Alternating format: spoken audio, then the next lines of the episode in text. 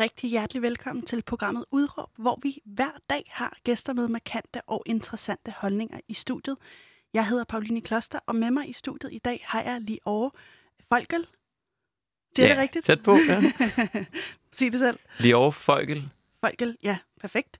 Uh, I dag skal vi snakke om det at være en brun mand. Vi skal snakke om racisme og hvad der er af forventninger til manderollen, og hvilke begrænsninger der er til manderollen.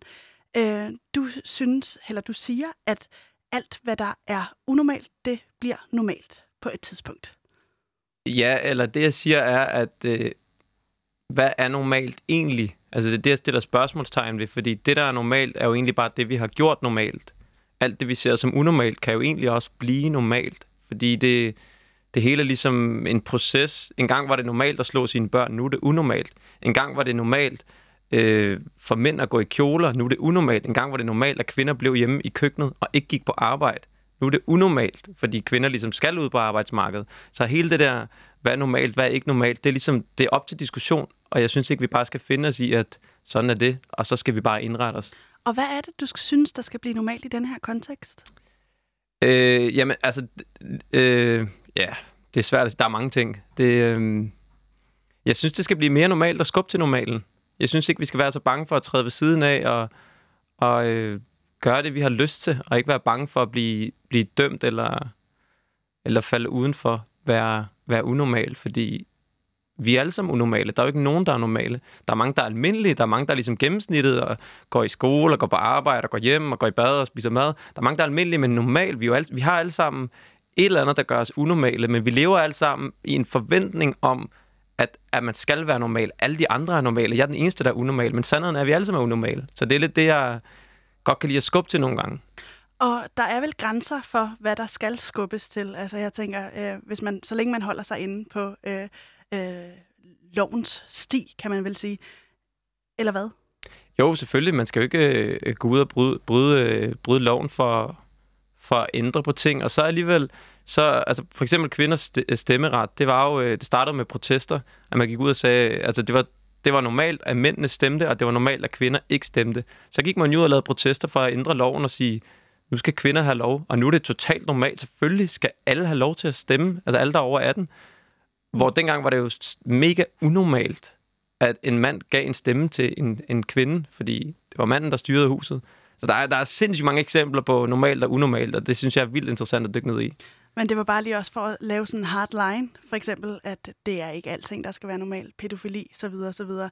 Øh, det er grænser, der er, er der for at blive, ja. i hvert fald. Øh, indtil vi bliver meget, meget klogere på det, kan man vist roligt sige. Øh, Leo, vil du ikke lige fortælle mig, hvem er du egentlig?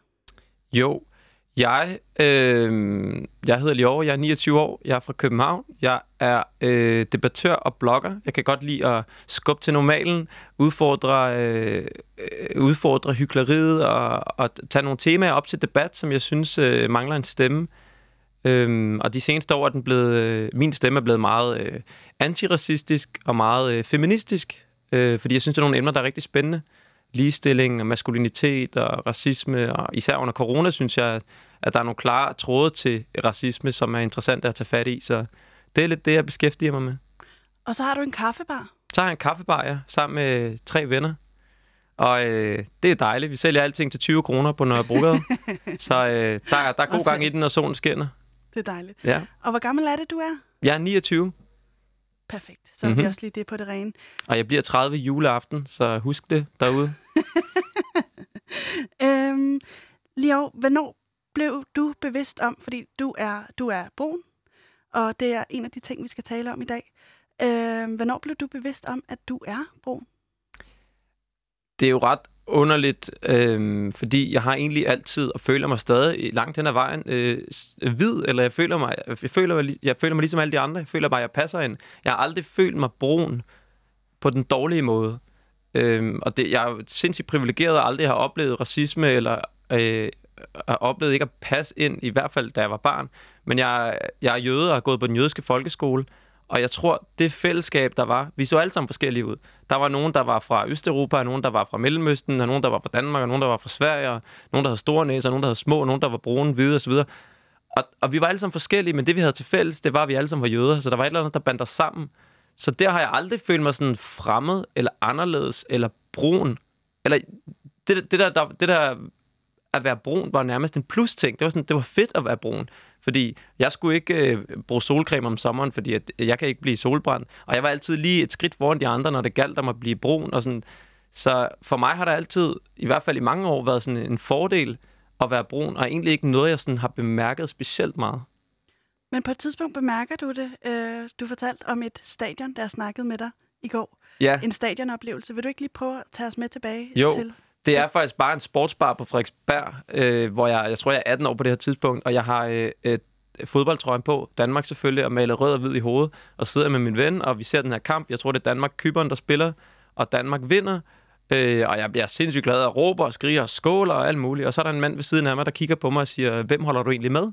Og så kigger jeg bare på mig og siger, Danmark selvfølgelig. Altså, jeg er rød og hvid i hovedet, jeg har landstrøje, land, landsholdstrøje på. Og så kigger han på mig og siger, øhm, hvordan kan du egentlig det? Du er jo ikke dansk. Og jeg tænker bare, ja, pjat med dig, man. Videre, vi skal bare feste, skål og sådan. Jeg tænker ikke mere over det den aften, men da jeg går hjem derfra, kan jeg godt mærke, okay, den har alligevel sat sig fast, den der. Det var ligesom første gang, at der blev stillet spørgsmålstegn ved mit tilhørsforhold til Danmark. Eller sådan, det var, der blev jeg opmærksom på, hvor jeg ser fremmed ud på den måske dårlige måde. Og det, øh, det satte en masse tanker i gang. Øhm, Hvilke tanker satte det i gang? Jamen det er, at, at er der nogen, der ikke ser mig som dansk, og hvad er jeg så, hvis jeg ikke er dansk? Fordi det, det er sådan noget, jeg altid har følt mig. Og hele den her øh, indvandrerdebat og danskhedsdebat og sådan noget, den, den er, jeg har faktisk begyndt at melde mig ud af den, fordi jeg bliver simpelthen for ked af det, at høre på det. Fordi jeg, altså, jeg er født her, jeg har boet her hele mit liv, jeg snakker dansk, jeg drømmer på Dan- Danmark er mit land, og lige pludselig er der en eller anden, der skal komme og sige til mig, at jeg ikke er dansk, fordi jeg ser brun ud. Jeg er sådan, altså, hvad? Det kan jeg slet ikke, altså det kan jeg slet ikke, så jeg ved slet ikke, hvad jeg skal gøre mig selv i sådan en situation. Og jeg ved, altså, jeg ved mange af mine venner, i hvert fald mine, øh, øh, mine andre brune venner, som er vokset op andre steder i landet end mig, de, de har jo oplevet racisme fra de var helt små, og de er, er altså blevet kaldt det ene og det andet og det tredje. Så jeg er sindssygt privilegeret, at jeg sidder i en position, hvor jeg ikke har oplevet det så tæt på kroppen, som de har. Og lige præcis derfor føler jeg også, at, at jeg gerne vil være med i debatten nogle gange, fordi der skal mere til at slå mig ned, fordi jeg, jeg ligesom ikke har hørt på det de sidste 10 år. Og hvad tror du er årsagen til, at du ikke har mærket det tidligere? Altså, jeg, jeg, jeg plejer at sige, at øh, det at være jøde i dag jo er sådan et øh, guldkort, man kan bruge i debatten. Fordi når jeg blander mig i debatten og snakker om øh, ytringsfrihed, eller omskæring, eller burkaforbud, eller whatever jeg kunne finde på at blande mig i, så skal jeg altid høre for, at jeg skal skride hjem til et eller andet lorte islam, eller din dumme muslim, eller bla bla bla. Og så kan jeg sige, åh, oh, forresten, jeg er jøde. Og så er det som om den hele vender sådan, nå, jamen, du er en af de gode, dig kan vi godt lide, I er jo godt integreret. Og, altså, hvor jeg virkelig sådan, okay, vildt nok. Og så i stedet for at være totalt forarvet over, at det er sådan, så vælger jeg at bruge det til min fordel, og ligesom sige, ja, jeg er jøde, men jeg vil stadig gerne sige det her, og på en eller anden måde tror jeg, at jeg når lidt, jeg når, eller det bilder jeg mig selv ind, jeg når lidt længere ind til de her, nu kalder jeg dem bare gamle, sure, hvide mænd i Jylland, men jeg tror, jeg når lidt længere ind til dem, fordi jeg ikke ryger i den der muslimsk ud af landet grøft, men, men er jøde, en af de gode øh, grøften, ikke? Har du siden den øh, oplevelse med, med fodbold, som du lige beskrev for os før, har du da oplevet øh, racisme? Altså, det er jo svært, fordi jeg, jeg er både brun, men jeg er også jøde, og min far er også fra Israel, så det kommer ligesom fra mange sider, når det endelig kommer. Ikke? Enten er det venstrefløjen, der hedder Israel, eller også er det, øh, det Mellemøsten, der hader øh, jøderne og Israel, eller også er det noget, nazisterne, der hader jøderne. Så det er sådan, når det kommer, kommer det fra mange sider. Men, men jeg skal være ærlig at sige, at jeg ikke har oplevet det i så stor stil, som jeg ved, at rigtig mange af mine venner har.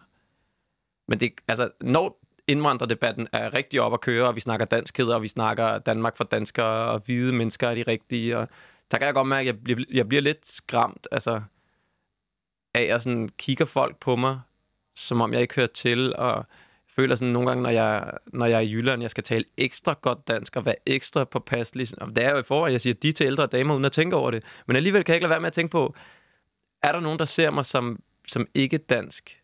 Især når den her debat er helt op og, og buller, som den var under folketingsvalget, valget og stram kurs skulle til at blive stemt ind, og jeg ved ikke hvad. Så Hvorfor øh, tror du, at det har noget med din hudfarve at gøre? Altså den måde, du ser ud på, at du ser de til ældre... Altså det gør jeg ikke, for eksempel. Nå, det, det har noget med min opdragelse at gøre. Det har jeg bare lært. Det gør man. Altså, det, øh, jeg bærer altid ud fra bordet, og jeg øh, siger, de til ældre damer har blomster med på mors dag, og øh, ja, hilser altid på forældrene, når man kommer hjem til, når man besøger en af sine venner som barn. Så kan jeg huske, at min mor altid lærte mig, at man skal lige hilse på forældrene, lige stikke hovedet ind i stuen og sige, hej, jeg er her. Og så går man op på værelset og leger. Og det, det er bare sådan noget, jeg har lært hjemmefra. Og min, min mor er dansk, så det har ikke noget med min hudfarve at gøre, eller jeg skal overkompensere. Det er bare sådan, jeg er. Men jeg kan mærke, at jeg selv bliver meget bevidst om min hudfarve, når jeg kommer i en eller anden situation, hvor der lige har været en debat om, om et eller andet med nogle brune drenge. Fordi jeg er jo en brun dreng, ikke? eller en brun mand. Jeg har mørkt hår og krøller, og jeg er mørk i huden. Og, altså, hvis jeg har en kasket på, så er der større chance for, at nogen ser mig som en ballade med jer, end hvis en hvid dreng har en kasket på. Så vil det nok bare sige, at det er bare Bøllebob. Han, han er bare lidt spas, ikke? og jeg er jo sådan en eller anden, der kaster med sten, og jeg ved ikke hvad. Øh, hvorfor tænker du det? Jeg tror, jeg bliver rigtig påvirket af den, den debat, der er. Nu er, har vi heldigvis sluppet for den i lang tid, øh, eller heldigvis øh, på grund af corona. Men når hele den der indvandrerdebat er op at vende, og øh, altså nyborgerlige stram kurs og Dansk Folkeparti taler sådan, som de gør, om danskhed og danskere og værdsatte fremmede, og jeg ved ikke hvad, så kan jeg jo ikke lade være med at blive påvirket. Fordi jeg, lige meget hvad jeg gør, vil man altid kunne se på mig, at jeg har et eller andet øh, anderledes end en klassisk etnisk dansk dreng. Den anden del, du ligesom også bærer med dig, det er det her med at være mand. Ja. Øhm, synes du, der er særlige forventninger til det at være mand? Øh, ja, altså det synes jeg helt klart, der er. Jeg synes, der er virkelig mange sådan... Altså jeg prøver igen, nu er vi tilbage til det der med, med normal. Altså hvis du er en normal mand, så passer du også ind i, i, sådan, i kasser og rammer og sådan... En normal mand ser ud på en bestemt måde, taler på en bestemt måde, gør bestemte ting. Og der kan jeg godt mærke, at jeg øh, ikke altid passer ind i. Hvordan? Jamen, jeg kan godt lide at... Altså, jeg har haft langt hår i mange år. Det er sådan ikke særlig normalt. Eller sådan. Det bliver mere og mere normalt. Men, men det var sådan lidt underligt dengang, da det var sådan rigtig langt. Og lige nu har jeg for eksempel nejlagt på, fordi jeg synes, det er vildt flot. Og, og det er... Der er ingen sådan dybere mening med det. Jeg synes bare, det er flot. Men det er totalt unormalt, og det er måske ikke særlig mandigt. Og alligevel er det mandigt. Min kæreste synes, det er mega mandigt, fordi jeg ligesom rocker det med stil. Eller jeg synes, det er mega fedt. Og sådan, negle er jo ikke særlig pæne, så nu har de fået en fed farve. Hvorfor ikke? Eller sådan, og jeg har, en, jeg har en, øh, en lyserød trøje på, og jeg har fuldstændig pink sko.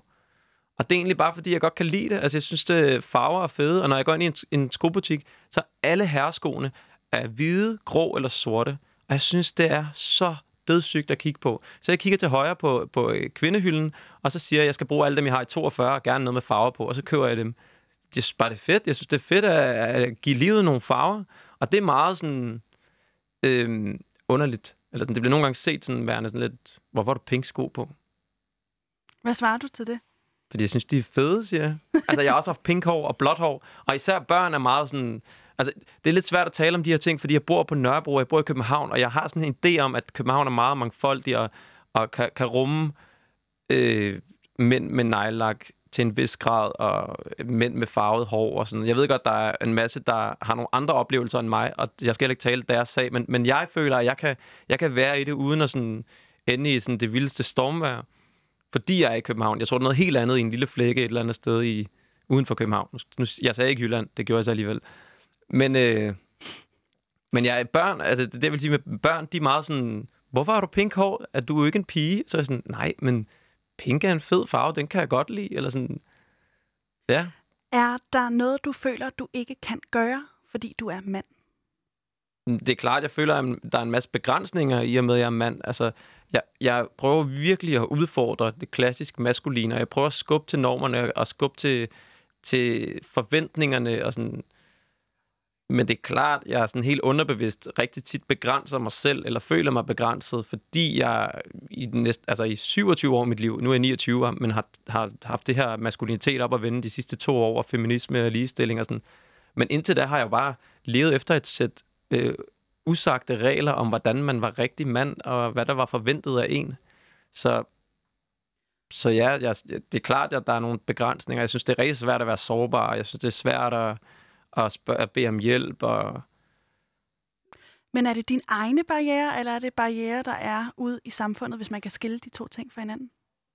Jeg tror, at altså, det er 100% min egne, men jeg tror, de kommer ud fra samfundet. Jeg tror, de kommer af, af at, at den kultur, jeg er vokset op i, altså de film, jeg har set som barn, de historier, jeg har fået fortalt, de mænd, jeg har kunne se op til, de mænd, der er omkring mig, øhm, altså det kommer af det, Disney-film, ikke? altså Hollywood-stjerner, alt sådan noget, det, det er jo dem, jeg har set, det var sådan, man var, og en rigtig mand scorer damer, en rigtig mand græder ikke, en rigtig mand tager, hvad han vil have, en rigtig mand tager ikke et nej for et nej, og sådan, det er jo lidt det, jeg er skolet med et eller andet sted, som jeg nu prøver at gøre op med, og det, det er svært bare at sige, Nå, men jeg er ligeglad, hvad de andre tænker. Jeg gør bare, øh, hvad der passer mig. Eller sådan. Og hvordan hænger øh, racisme og det at være en mand sammen, synes du? Øhm, ja, det, det, øh, hvordan det hænger sammen, det er svært at sige. Jeg tror, det hele hænger sammen på en eller anden måde, men lige den kobling kan jeg ikke lige sådan, give dig et godt svar på nu. Nej. Eller hvad tænker du på? Jeg tænker bare, øh, vi skal snakke om de her to ting i dag, og vi skal snakke om noget med normer. Øh, kan du se, at de to ting hænger sammen? Øh, jeg tror til en vis grad mænd, og nu, nu gætter jeg bare, men jeg tror til en vis grad mænd oplever mere fysiske, øh, fysiske overfald grundet racisme, end kvinder gør. Men det, men det har igen noget med maskulinitet at gøre, maskulinitetskulturen, hvor mænd, de skal ligesom slås og overgå hinanden og overfalde hinanden, og, og det ikke hører så meget til, til det at være kvinde i hvert fald. Så på den måde, så tror jeg, der er en eller anden connection der, men altså... Hmm. Har du et mål for det, du øh, nu kalder unormalt? Og hvad er det egentlig? Øh, altså, jeg har ikke noget mål. Jeg har et mål om at være fri, tror jeg. Altså, jeg vil være fri, og jeg vil gerne have, at alle andre skal føle sig fri. Og det er derfor, øh, især feminisme interesserer mig meget, fordi for mig er feminisme en frihedskamp. Det er retten til at være lige præcis den, du er. Til at være den mand, du er, den kvinde, du er, eller hvad, hvad end du vil kalde dig. Skal du have lov til at være det, du skal have lov til at se ud, som du vil. Og igen, som du også sagde i starten, du skal ikke bryde nogen, nogen, øh, nogen love, eller, eller gøre nogen fortræd. Men så længe du holder dig på dit eget personlige space, og gør ting, der, der gør noget for dig, så kan jeg ikke se et problem i, at du, du skal kunne være, som du er. Og sådan som det er i dag, er man desværre ikke fri. Vi er sindssygt styret af samfundets normer og forventninger, og så snart du træder udenfor, så får du tæsk, eller du får råb, eller du bliver svinet til på Facebook, eller whatever. Der er mange, der ser det der med feminisme for det feminine, altså for kvinder. Øhm, du synes også, det hænger sammen med det at være mand. Vil du ikke fortælle, hvordan? Ja, men det er fordi, det der maskulin og feminin jo er blevet gjort meget sådan, sådan skarpt op. Der, du er enten det ene, eller også er du det andet. Og jeg synes jo, vi alle sammen rummer begge dele. Og det synes jeg også, vi alle sammen skal have lov til. Og feminismen fokuserer ligesom på, på de, de feminine værdier, som vi i mange år ligesom har undertrykt. Altså, vi mænd kan jo også godt vise omsorg over for børn. Vi kan også godt gå på barsel. Vi kan også tage altså ældre mennesker øh, i, øh, hvad hedder det, som socioassistent eller som sygeplejerske, og vi kan også vise følelser og grader. Vi kan også, øh, altså alle de der øh, egenskaber, vi tillægger kvinder, og det at være feminin, det rummer vi mænd jo også men måske har vi bare svært ved at finde ind til det, fordi vi gennem så mange år er blevet, blevet sådan straffet for, for at udtrykke det. Ligesom at kvinder også kan være modige og stærke, og altså, kvinder er jo nærmest nogle gange stærkere sejre end mænd, fordi de, de føder fandme børn, og de kan både gå på arbejde og passe børn, og skifte blæ og male tapet, og altså, en ene mor med et barn kan jo meget mere end en ene mand.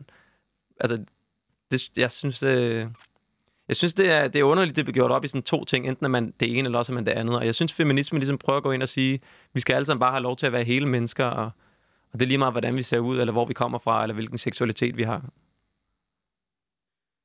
Og du siger det her med, øh, du nævner frihed. Føler du dig begrænset? Det er svært at sige, fordi lige nu føler jeg mig ikke begrænset. Øhm, igen det der med, nu har jeg, nu har jeg øh, afbladet hår. Øh, det, er jo, det er jo mørkt, men jeg har afbladet en gang, og nu er det sådan lyst i spidserne. Så jeg har afbladet hår, jeg har nejlagt på, jeg har lyserøde sko. Jeg sådan, gør lidt, hvad der passer mig. Og sådan, så lige nu føler jeg mig ikke begrænset, men jeg ved nogle gange, når jeg står i nogle situationer, at jeg føler mig sindssygt begrænset. Øhm, nok mest af mig selv, men det kommer ligesom af en eller anden form for erfaring med de gange, jeg har trådt ved siden af, eller trådt udenfor, og ligesom set, okay, det er konsekvensen ved det. Kan du komme med et eksempel på det? Altså, i, i søndags for eksempel var jeg til en fødselsdag, hvor vi så, øh, mig og mine venner, vi skal altid være aktive, fordi det er kedeligt at sidde stille, og det er både mænd og kvinder, det her, øh, drenge og piger, vi, vi leger bare hele tiden. Så vi står på hænder og danser rundt og sådan noget. Og så lavede vi sådan en stå på hænder forhindringsbane, hvor jeg gik på hænder, og så skulle jeg lave sådan en twist rundt om et hjørne, og så faldt jeg bare lige sådan ned, og så sagde det bare knæk i min hånd. Og jeg kunne mærke, at det sekund, jeg ramte jorden, så bouncede jeg bare op igen, og var sådan, ja okay, eller sådan, jeg er fint nok, og sådan, du ved, knækkede lige mine fingre, og var sådan, ah, det gjorde bare lidt ondt, jeg tror bare jeg knækkede en finger, og sådan Og alle mine venner, så søde som de er, spørger, om jeg er okay, og ej, det lød voldsomt, og sådan noget. Jeg kunne mærke, at jeg blev sindssygt sådan, ah, lad mig være, mand, jeg, jeg har det fint, ikke? Og jeg er sådan, Hva, hvorfor sker det i mit hoved, ikke? Fordi, ja, jeg falder og slår mig, mine venner er rigtig søde og spørger, om jeg er okay, og vil gerne trøste mig, og min reaktion er, I skal bare altså, skride væk herfra, og jeg har det så fint, og jeg har ikke brug for noget, og jeg kan sagtens selv, og sådan noget. Og jeg sad bare sådan, var super cool, og sådan, nej, det, det gør sgu lidt ondt, men det er fint nok, sådan der. og så da jeg gik hjem, sagde jeg til min kæreste, jeg synes, det var sindssygt hårdt at være i, fordi jeg, jeg kunne mærke, at jeg blev vildt utilpas af, at så mange så det ske, og så mange skulle ligesom redde mig og sige sådan, er du okay, og ej, og, åh, det var voldsomt, og hvad med på skulderen og sådan noget. Og så var hun sådan, det er jo fjollet, det er jo dine venner, selvfølgelig vil de gerne være der for dig. Og jeg kunne godt se, at det var fjollet, men det var, jeg var sindssygt sådan, frustreret over den der omsorg, jeg lige pludselig fik, fordi, nej, jeg skal fandme, hvilket jo er, hvilket jo er åndssvagt. Altså, jeg burde jo være glad for, at mine venner er der for mig. Så der, det er sådan en måde, hvor jeg godt kan se helt klassisk, helt tydeligt, at jeg stadig er formet af nogle maskulinitetsidealer, som påvirker mig alt for meget på en dårlig måde. Og hvis du lige er tunet ind på radioen, kan jeg sige velkommen til. Du lytter til programmet Udråb, hvor vi hver dag har en gæst med en markant og en interessant holdning i studiet. I dag er det dejligt over folket, og vi taler om racisme, vi taler om det at være mand.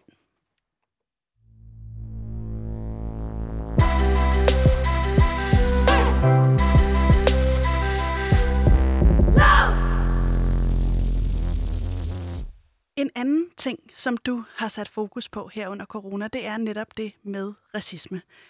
Ikke kun for dig selv, men også for andre. Du har skrevet et debatindlæg til Heartbeat. Vil du ikke lige prøve at fortælle, hvad det var, du så? Jo, det debatindlæg, det hedder, øh, jeg tror det hedder, nej, corona giver dig ikke lov til at være racistisk.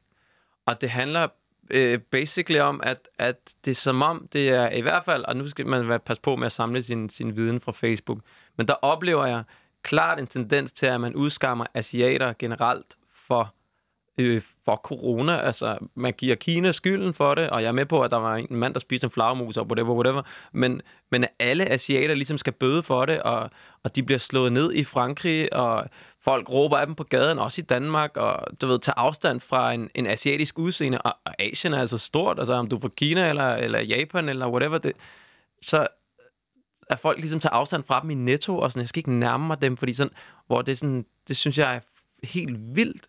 Og så fik jeg lyst til at, at sådan, tage fat i det her emne, øh, fordi jeg, jeg udefra, jeg kunne ikke sidde bare og, og sådan, observere, at det her sker, og så bare være sådan, nå, det er fint nok. Jeg, jeg følte ligesom, jeg var nødt til at, til at sige noget til det. Og så så jeg sådan en video med sådan kinesisk madmarked, og kinesisk mad og alt muligt, og jeg så kommentarsporet med danskere, der var så forarvet over, hvad kineserne kunne finde på at putte i munden. Og så sad jeg bare og tænkte sådan en aften, hvad putter jeg egentlig selv i munden? Og så begyndte jeg ligesom at undersøge, hvad dansk mad egentlig er, og hvor, hvor skørt det egentlig også er, altså, men, men hvor normalt det er. Og så er vi ligesom tilbage til det, der er normalt, unormalt igen.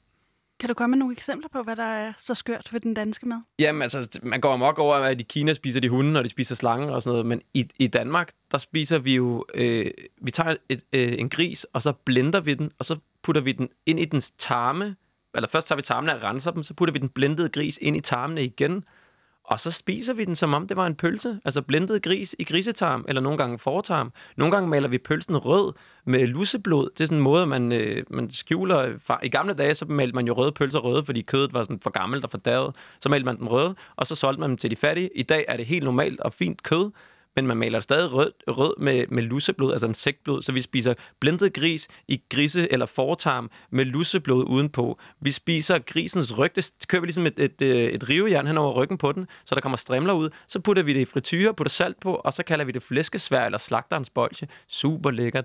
Lever på steg, hvad fanden er det egentlig? Ikke? Æg, det kommer ud af røvhullet på en høne, det er jo et foster. altså, dansk mad er fuldstændig vanvittig, men mad generelt er vanvittigt.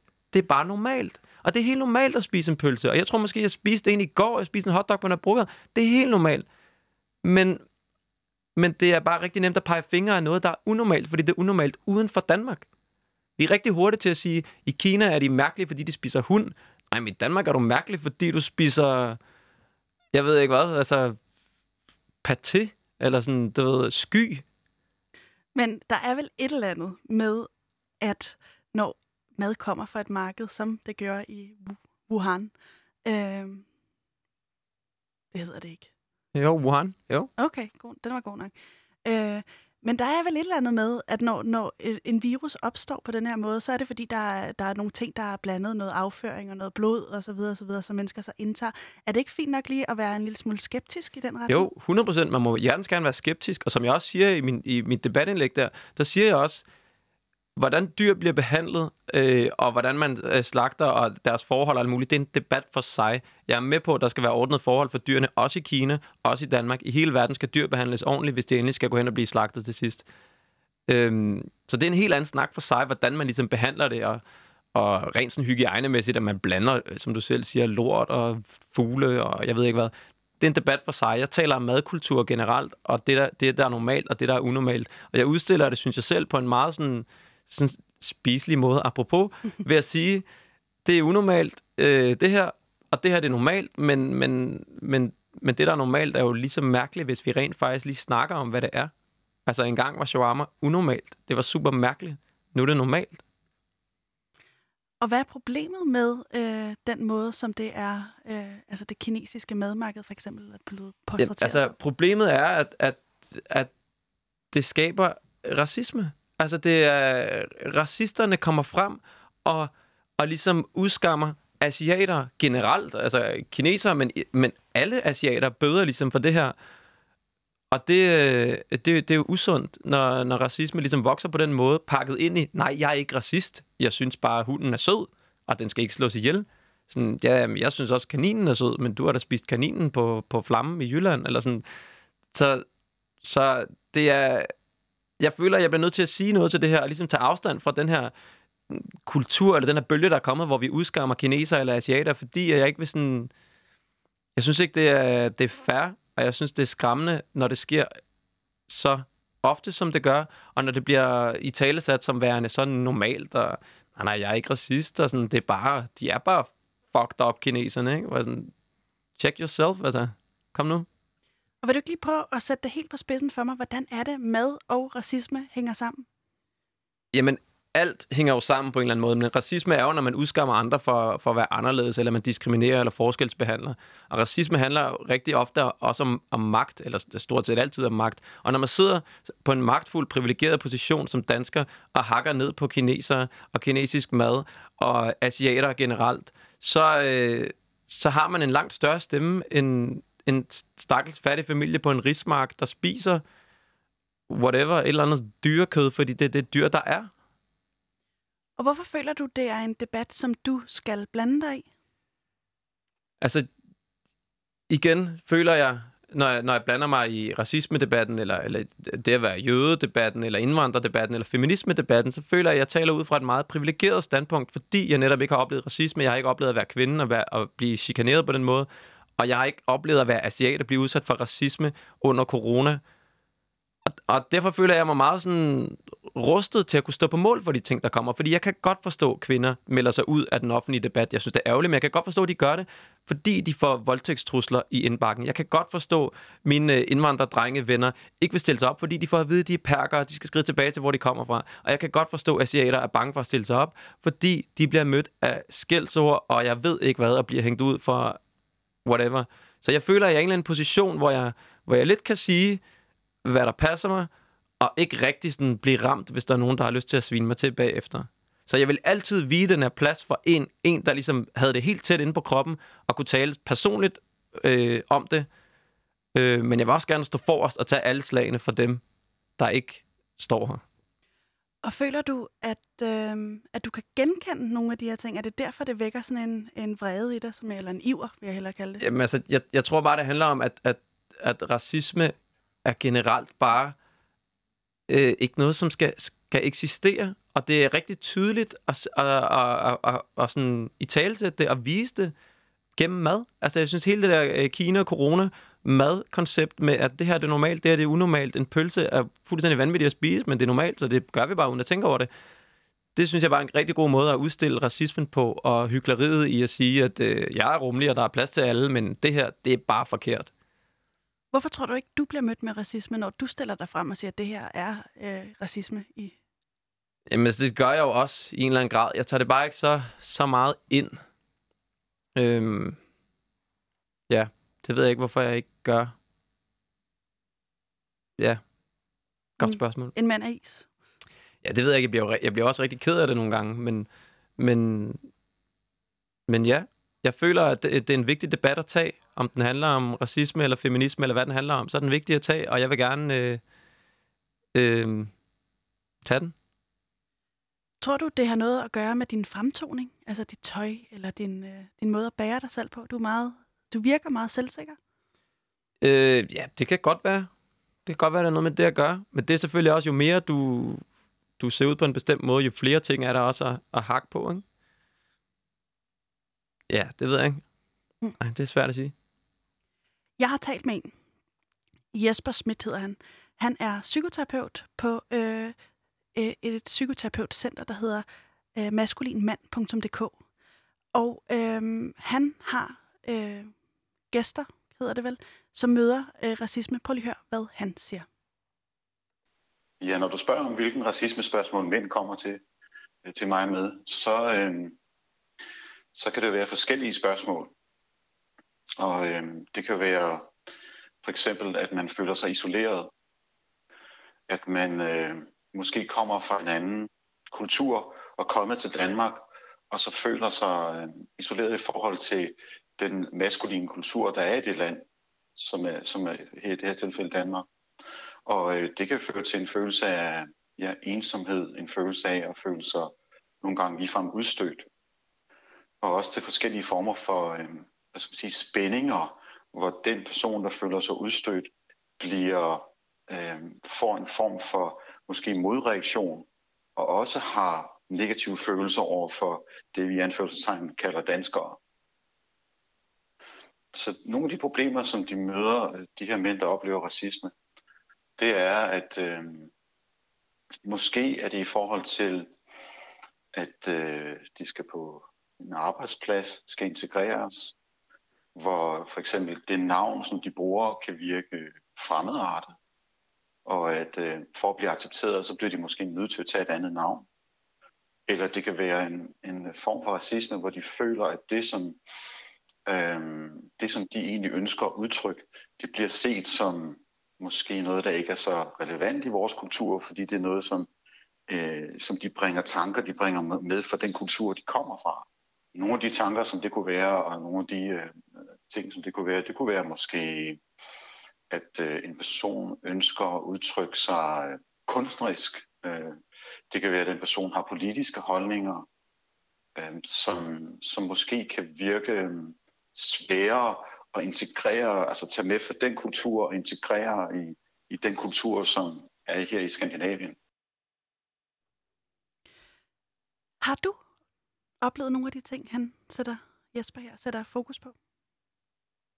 Altså, jeg synes, når debatten går meget på det der med danskhed og indvandrere og brune og hvide og alt muligt, så kan jeg godt mærke, at, at jeg bliver ekstremt bevidst om det. Altså, de sidste to måneder under corona har jeg slet ikke tænkt over, at jeg var sådan brun, når jeg skulle overkompensere nogle gange eller sådan noget. Men når debatten har gået på det, så kan jeg virkelig mærke, at det fylder meget, og jeg er meget bevidst om, at hvis jeg siger det her, så, så er afsenderen jo en brun mand. Kan det så tages anderledes op, end hvis det havde været min kollega, som er hvid?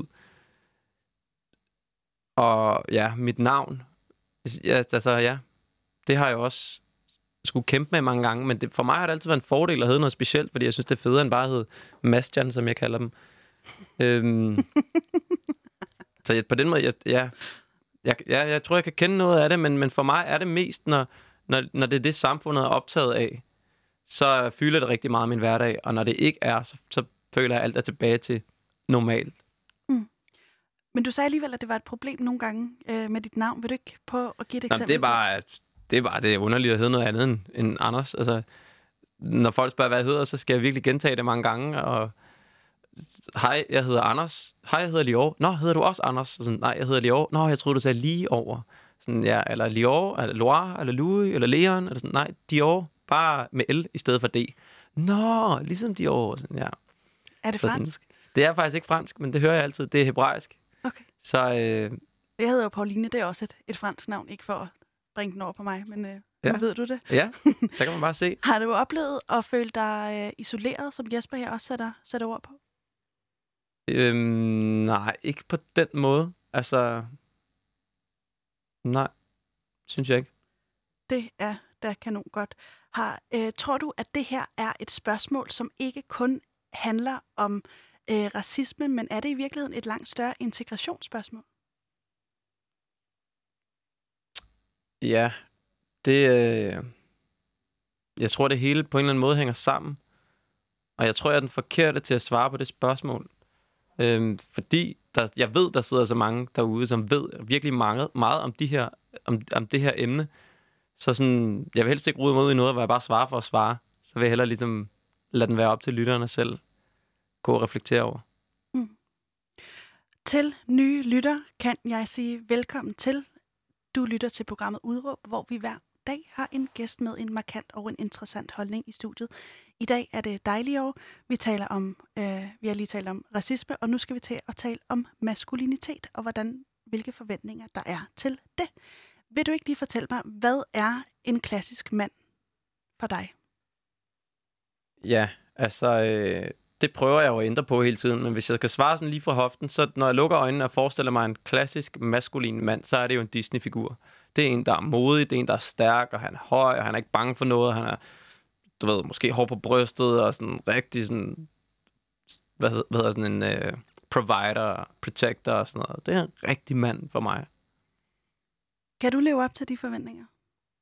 På nogle punkter kan jeg godt, på andre punkter kan jeg ikke, men, men jeg føler mig alligevel som en, en rigtig mand, fordi jeg godt vil gøre op med, med det der billede, jeg selv har, når jeg lukker øjnene.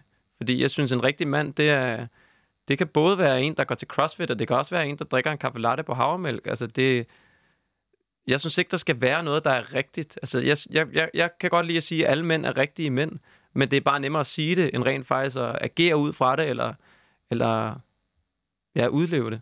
På hvilke punkter føler du, at du passer ind i den klassiske manderolle? Jamen, for eksempel går jeg til CrossFit, og jeg er Du er bumstærk. Øh, og er bumstærk, ja. Og jeg er sådan, jeg drikker øl, og ja, jeg er sådan, ja. Jeg, jeg, jeg fikser ting derhjemme, jeg er i gang med at lægge paneler derhjemme nu, og sådan. Jamen, jeg, jeg henter min kæreste altid i Christiania-cyklen og kører hende rundt, når jeg kan, og jeg, jeg lader hende altid få min jakke, hvis hun fryser, selvom det betyder, at jeg fryser, men jeg vil hellere have, at hun har det varmt. Og sådan. På den måde er jeg sådan, du ved, synes jeg selv, jeg er meget maskulin, og sådan, et eller andet sted, så er det vel bare sådan helteagtigt, ikke? Sådan Disney-helt, man, man prøver at være, ikke? Jo, det kan jeg godt, det kan jeg godt høre på dig. Øhm, har du oplevet, at du bliver forvent... Åh, nu, hvordan dævlen kan jeg formulere det her? Øh, hvilke forventninger oplever du, der er, når mænd og mænd er sammen? Du t- i tale sat tidligere, at, øh, at du oplever, at der er en helt speciel sæson, når mænd og mænd er sammen. Vil du ikke prøve at sætte nogle ord på den? Jo, altså jeg har altid haft rigtig mange veninder. Øh, Jeg har stadig øh, flest veninder, fordi jeg svinger lidt bedre med den der feminine energi, og den der energi omkring, at der er plads til at være, som du er, og der er plads til at snakke om ting, der gør ondt, og ja, fordi jeg, jeg synes lidt, når jeg er sammen med en mand, en ven, så, så er vi lidt derhen af, det er lidt det samme, men så snart man er mere end to mænd samlet, så kommer der en helt anden energi, og jeg ved ikke helt, hvad det er, jeg er stadig med at prøve at finde ud af det, men der er en eller anden dynamik omkring, at nu er vi mænd, eller sådan, nu snakker vi ikke om de her ting, eller nu skal vi være, ja, jeg ved, det er lidt svært at forklare, men, men ja, jeg synes, der, der opstår en eller anden underlig energi, når mænd er sammen, flere mænd. Ja, og den prøver jeg at finde ud af, hvad er, for, så jeg kan prøve at gøre noget ved den. Tror du ikke også, der gør det, når kvinder er sammen? Jamen, det gør der helt sikkert. Men jeg tror ikke, den er på samme måde er lige så destruktiv, som, som det er, når mænd er sammen. Men, øh, altså, nu skal vi gøre det meget kort, ikke? men mænd, mænd, alle de der statistikker, vi kender med, at mænd dør før kvinder, mænd, mænd går mindre til lægen, mænd har større sandsynlighed for at blive misbrugere, begår mere selvmord, alt det der, det tror jeg kommer ud af den jargon, mænd har, når de er sammen, som også smitter af på mange mænd, når de så er alene. Mm. Så øh, jo, helt sikkert, kvinder har det også. Jeg oplever det bare ikke i langt så stor grad som værende et problem. Det er i hvert fald nok nogle andre parametre, kan, kan jeg lige høre, end dem, du skildrer op. Øh, så er det sådan noget med, hvem er tyndest, hvem er, øh, som jeg i hvert fald som kvinde har oplevet. Øh, jeg kunne godt tænke mig lige at høre, Er det et specielt forum, hvor det her opstår, den her specielle mandedynamik? Er det, når I er i byen, eller er det, når I bare hænger ud derhjemme, eller er det, er det, er det ligegyldigt, hvor I befinder Jamen, jeg synes lidt det over det hele. Altså, jeg synes, nu kommer jeg heldigvis i en, en vennegruppe, som, hvor vi er mange mænd, som også vil identificere os som værende feminister, så det er noget, vi snakker om, og noget, vi forsøger at gøre op med. Men det, jeg, det er klart, at hvis jeg kigger tilbage øh, på mit liv, så var det klart, når vi skulle i byen, og når vi skulle øh, til træning, eller når vi skulle sidde og drikke øl et eller andet sted og snakke, eller sådan. Men det var også bare i privaten. Altså, når vi havde drengeaften og skulle lave burger og sådan noget der, så var det også... Det var ikke, fordi man sad i privaten og var sådan, hvordan går det egentlig? Har du det godt? Og sidder sådan og trøster og sådan. Nu var vi sammen, nu skulle vi fandme give den gas og drikke nogle bajer, ikke? Har der været noget med, øh, du talte tidligere, øh, sexisme, når øh, dit, du og dine venner var i byen, eller er i byen? Øh, var der et tidspunkt for dig, hvor det gik op for dig, at der var en speciel jargon mænd og mænd imellem? Øhm, ja, jeg ved ikke, om der var et tidspunkt, men det er noget, jeg er meget bevidst om nu, at øh, mænd ligesom giver hinanden op på en eller anden måde, hvor, at, hvor det mere handler om at imponere de andre mænd, end det handler om rent faktisk at score den der pige. Men det er lidt en anden snak. Altså, det kan vi lave et helt program om en anden dag. Fordi Vil du ikke det, komme lidt ind på det? Jeg er vildt interesseret. Jo, men det... Øh, jeg tror, det hele handler ligesom om at passe ind og blive anerkendt og føle sig værdsat og sådan... Jeg blendte ind med gruppen. Og det var bare, øh, når man var i byen, var det bare virkelig nemt at få nogle gode point ved at være ham, der scorede damer, eller ham, der var lidt højtråbende og lidt ligeglad, eller... Ja, så tror jeg, vi giver hinanden op til at, til at til at være på en bestemt måde, og have det fedt, og være grineren, og være sjove, hvilket jo fra den anden side set var at være grænseoverskridende, og være super nederen, øh, kan jeg jo se nu, men... men Hvorfor? Kan du komme med nogle eksempler? Jamen, det er, når du, når du som mand føler, at du ejer klubben, og du bare kan gøre lige, hvad der passer dig, så er det jo faktisk der, hvor du øh, krænker kvinder, eller begår en eller anden form for overgreb, hvis du føler, at du har ret til at kysse hende der, fordi hun er pisse lækker. Og, sådan. og så man, du er fandme lækker, og så, så snaver du hende lige, og så siger hun, hvad laver du? Så siger du, slap af, det er bare for sjov. Så sådan, fra mandens synspunkt, eller fra mit, på det tidspunkt, var det sådan, sådan er en rigtig mand. Han tager, hvad han vil have. Han gør, hvad han vil. Han tager ikke et nej for et nej. Fordi jeg havde lært i Disney-film, at nej betyder ikke nej. Nej, det betyder at prøve lidt hårdere. Altså, du bliver bare ved, og du bliver ved, og du bliver ved. Jeg har set det i film med Will Smith, og jeg har set det i James Bond. Og de bliver ved og ved og ved, og den her kvinde bliver ved med at sige nej. Og til sidst, så siger hun ja.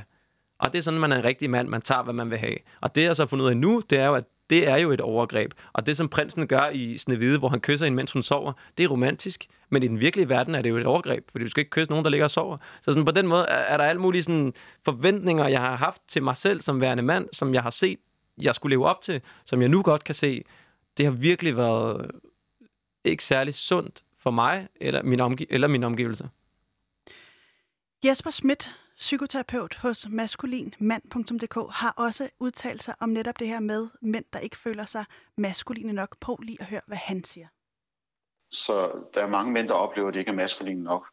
Og øh, noget af det, som, som måden det kan vise sig på, det er for eksempel, at de føler, at de ikke har vilje, at de ikke har nogen retning i deres liv, at de bliver kritiseret af deres kæreste, deres kone for at, ikke at tage initiativ for eksempel at de øh, føler, at, øh, at de ligesom er sådan en form for drivtømmer, der ikke har nogen retning i deres liv, og at de føler sig ikke særlig grounded i deres krop. Så det vil sige, hvis man, skal, hvis man rigtig skal føle sin maskulinitet, så er det jo vigtigt at, at være grounded i sin krop, og have en form for centrering i kroppen, sådan så at du kan udtrykke det, som, som den maskuline kraft gerne vil udtrykke. Ja, så de, de eksempler, hvor de mine klienter ikke føler sig maskuline, eller dem jeg arbejder med i mandegrupper, det kan være, at, øh, at de oplever en følelse af indre svaghed. Altså det kan være lige fra, altså det kan være lige fra en form for fysisk svaghed til en form for øh, psykologisk svaghed, til for eksempel at kunne tage en god diskussion med deres kone eller deres kæreste. Eller det kan være en form for, øh, for en, en, øh, en fornemmelse af at at være, at det hele er lidt en tilfældighed, at de ikke selv har valgt den måde, de gerne vil leve på. Og at det kan betyde øh, enormt meget for for eksempel måden, de er i verden, altså måden, de, øh, deres job. Er det her det rigtige job for mig? Er det noget, jeg bare har gjort, fordi jeg skulle leve op til mine forældres øh, Øh, idéer om, hvem jeg skulle være, eller er det noget, jeg gør for at bare tjene penge til min familie, hvor jeg ikke rigtig står bag det med mit hjerte. Så det er nogle af de øh, problematikker, som, som jeg blandt andet kan opleve, mænd kommer med. Så kan der også være øh, manglende lyst til, øh, til sex, eller måske for meget lyst til sex, så der kan være en form for ubalance i det. Øh, der kan også være øh, en følelse af, at, øh, at mange mænd de savner øh, dybe maskuline altså fællesskaber eller venskaber, som, som kan gøre, at de føler sig ensomme. Ja, mænd kan føle sig vældig ensomme i deres maskulinitet, øh, siger Jesper her, Schmidt altså her. Har du følt, eller på et tidspunkt, eller gør du det nu, at der har manglet retning i dit liv, fordi du ikke har øh, levet op til den her klassiske forventning om, hvad der er en mand, og hvad der ikke er en mand? Altså, jeg er ret heldig, at jeg er kommet i en omgangskreds, hvor der ligesom har været plads til at træde ved siden af og til at se anderledes ud. Og det er, det er bare et kæmpe privilegie, som, som gør, at jeg ikke har siddet med de samme udfordringer, som jeg tror, mange af de mænd, han snakker med, har. Fordi jeg, han siger meget interessant det der med at være stærk og svag, og jeg kan godt mærke, at jeg tror, jeg føler mig rigtig øh, maskulin, når jeg er stærk, og meget lidt maskulin, når jeg er svag. Så selvom jeg gør noget så feminint, som at tage neglelak på, eller eller øh, tage øh, pink tøj på, som jo desværre stadig er en feminin ting, eller sådan, så føler jeg mig meget stærk, når jeg gør det. Fordi jeg synes, det er fedt, jeg står ved det, jeg rocker det med stil, og jeg gør det, fordi jeg har lyst. Så, sådan, så selvom jeg gør noget meget øh, feminint, klassisk feminint, så føler jeg mig meget maskulin, fordi jeg er stærk i det. Men, hvis jeg, men når jeg føler mig svag i noget, jeg kan ikke lige komme på et eksempel lige nu, men, men en situation, hvor jeg føler mig svag, så vil jeg nok have en tendens til at føle mig meget mindre maskulin. Og det kan, det kan jeg godt kende i det, han siger. Hvad med det der med, øh, har du selv, føler du selv, at du har valgt retningen i dit liv, eller er der noget øh, udefra, der styrer den? Jeg, jeg, jeg føler klart, at jeg selv har valgt retningen, fordi jeg meget sådan, jeg er opdraget med, og igen det der med, med mænd og kvinder, hvordan vi opdrager dem, eller øh, drenge og piger for de helt små, det der med, at, at jeg kan sagtens få en masse nejer, og så bare fortsætte, fordi jeg ved, at på et tidspunkt får jeg nok et ja, hvor at jeg ved, det er meget sådan, jeg snakker med mange veninder om det, og min mor og min kæreste og sådan noget, at hvis de matcher, Altså hvis de ser en jobansøgning, skulle de gerne matche 9 ud af 10 kriterier, før de søger det. Og jeg skal bare matche 50 procent, så søger jeg den. Og jeg skal nok få den, fordi jeg er totalt confident omkring det. Og det tror jeg helt klart er noget med min opdragelse at gøre, fordi jeg er blevet opdraget til, når jeg falder, så bare op igen, man prøver en gang til, ikke? Hvor at øh, mine veninder måske er faldet, og så har de fået at vide, ej, du skal også bare sætte dig ned og perle og sådan noget. Så du kan blive god til det her herover og jeg er bare sådan, jeg kaster mig bare ud i det, og så går jeg op på legehuset igen og hopper ned igen og sådan. Så jeg føler altid, at jeg har haft sådan det er måske også meget maskulin, det der. Jeg føler, at jeg, sådan, jeg tager ejerskab over mit liv, og jeg handler, og jeg tager ansvar, og jeg gør noget. Hvilket jo også er underligt, at det er en maskulin ting, fordi det gør kvinder jo også. Ja. Er du bange for at komme til at tage pladsen for nogen, som ikke naturligt har det der i sig og er opdraget på den måde, du er? Ja, det, det, det kunne jeg godt være. Altså, jeg, jeg vil jo rigtig gerne give plads til andre, og ligesom overlade mikrofonen til dem, der, der ved mere om, om forskellige emner, end jeg gør og også i sådan billedlig forstand, altså i den virkelige verden, og ikke kun i et radioprogram. Øhm, ja, jeg er meget bevidst om, om ikke altid at, at fylde det hele og sætte dagsordenen, men også lytte og erkende, at jeg tager fejl og blive klogere hele tiden. Og, ja. Så du har aldrig følt den der øh, indre svaghed, som Jesper ligesom sætter ord på? Altså, der har ikke været en overgang. Du har bare øh, ownet det fra start nej, af at være nej, feminin, det, eller... Nej, nej, det, det er klart. Altså, det er klart i folkeskolen, man gerne vil passe ind og ikke stikke ud. Altså, og man måske gik på kompromis med, hvordan man selv var. Fordi at så vidste man, man, man passede ind. Men det ligger så fjernt. Øh, eller det var, bare, det var bare sådan, det var. Altså, sådan er det bare. Sådan er man bare som dreng. Altså, sådan, man er på en bestemt måde. Så hvordan jeg egentlig havde det, hvordan jeg egentlig havde lyst til at danse, hvordan jeg egentlig havde lyst til at se ud, det, det, det kan jeg slet ikke... Øh, det har jeg slet ikke i hovedet, fordi det lå så fjernt fra mig. Der var slet ikke nogen, der fortalte mig engang, at man godt må tage anderledes ud eller stikke ud. Og alligevel har jeg jo gjort det. Altså, jeg har haft alle mulige øh, underligt tøj på, og haft, øh, ja, igen, piercinger og langt hår og sådan noget. Så sådan, det, det har ligget meget naturligt til mig at udfordre det, men samtidig tror jeg også, at jeg på vildt mange områder bare passet ind og begrænset mig selv, fordi så hun gik man, øh, hun gik man at få ballade, ikke? Øh, nu sagde du danse, som lige vagt nogle billeder i på min net hen. Har du følt dig tilbage øh, i altså, din dansestilart? Altså faktisk så har jeg jo gået til breakdance, og det var, det var også meget maskulin at være det er sådan breakdancer og dreje rundt på hovedet og sådan noget, men, men jeg drømmer stadig om at kunne sætte noget musik på, og så bare danse lige som jeg har lyst til. Slå mig totalt løs.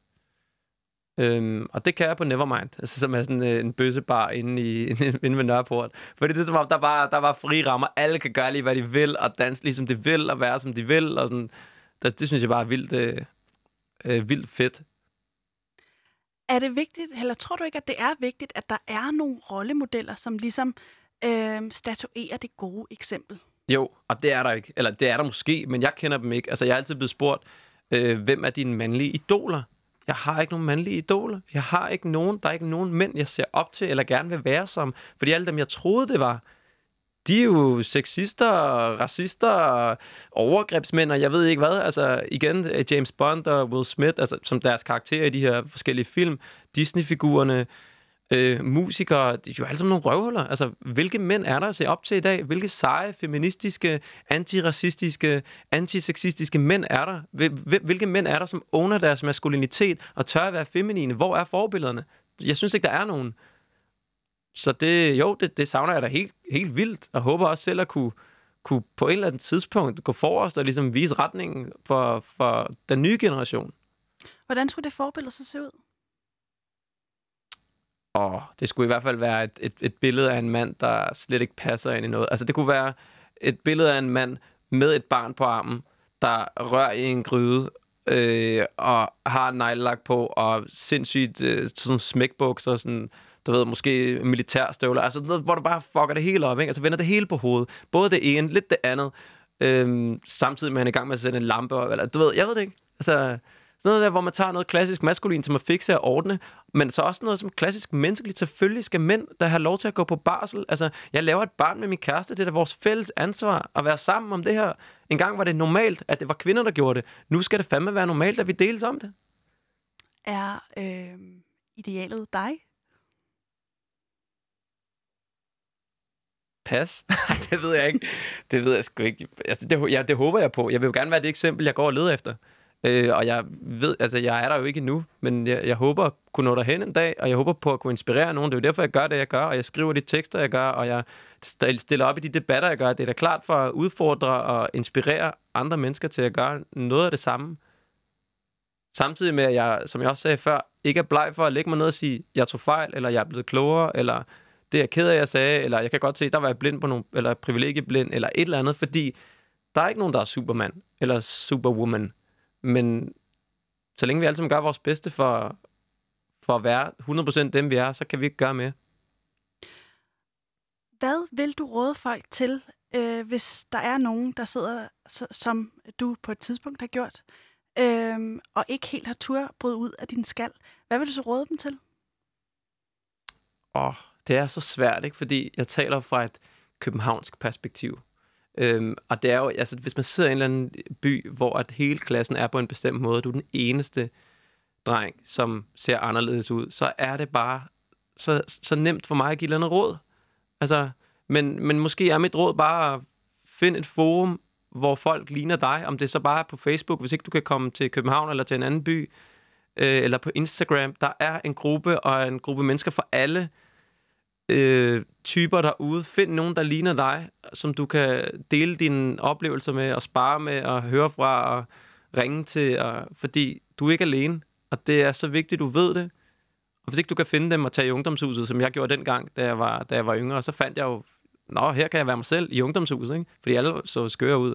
Så find dem på internettet, og på Facebook, og ja, fordi du er ikke alene, og det, det kan man nogle gange godt føle sig.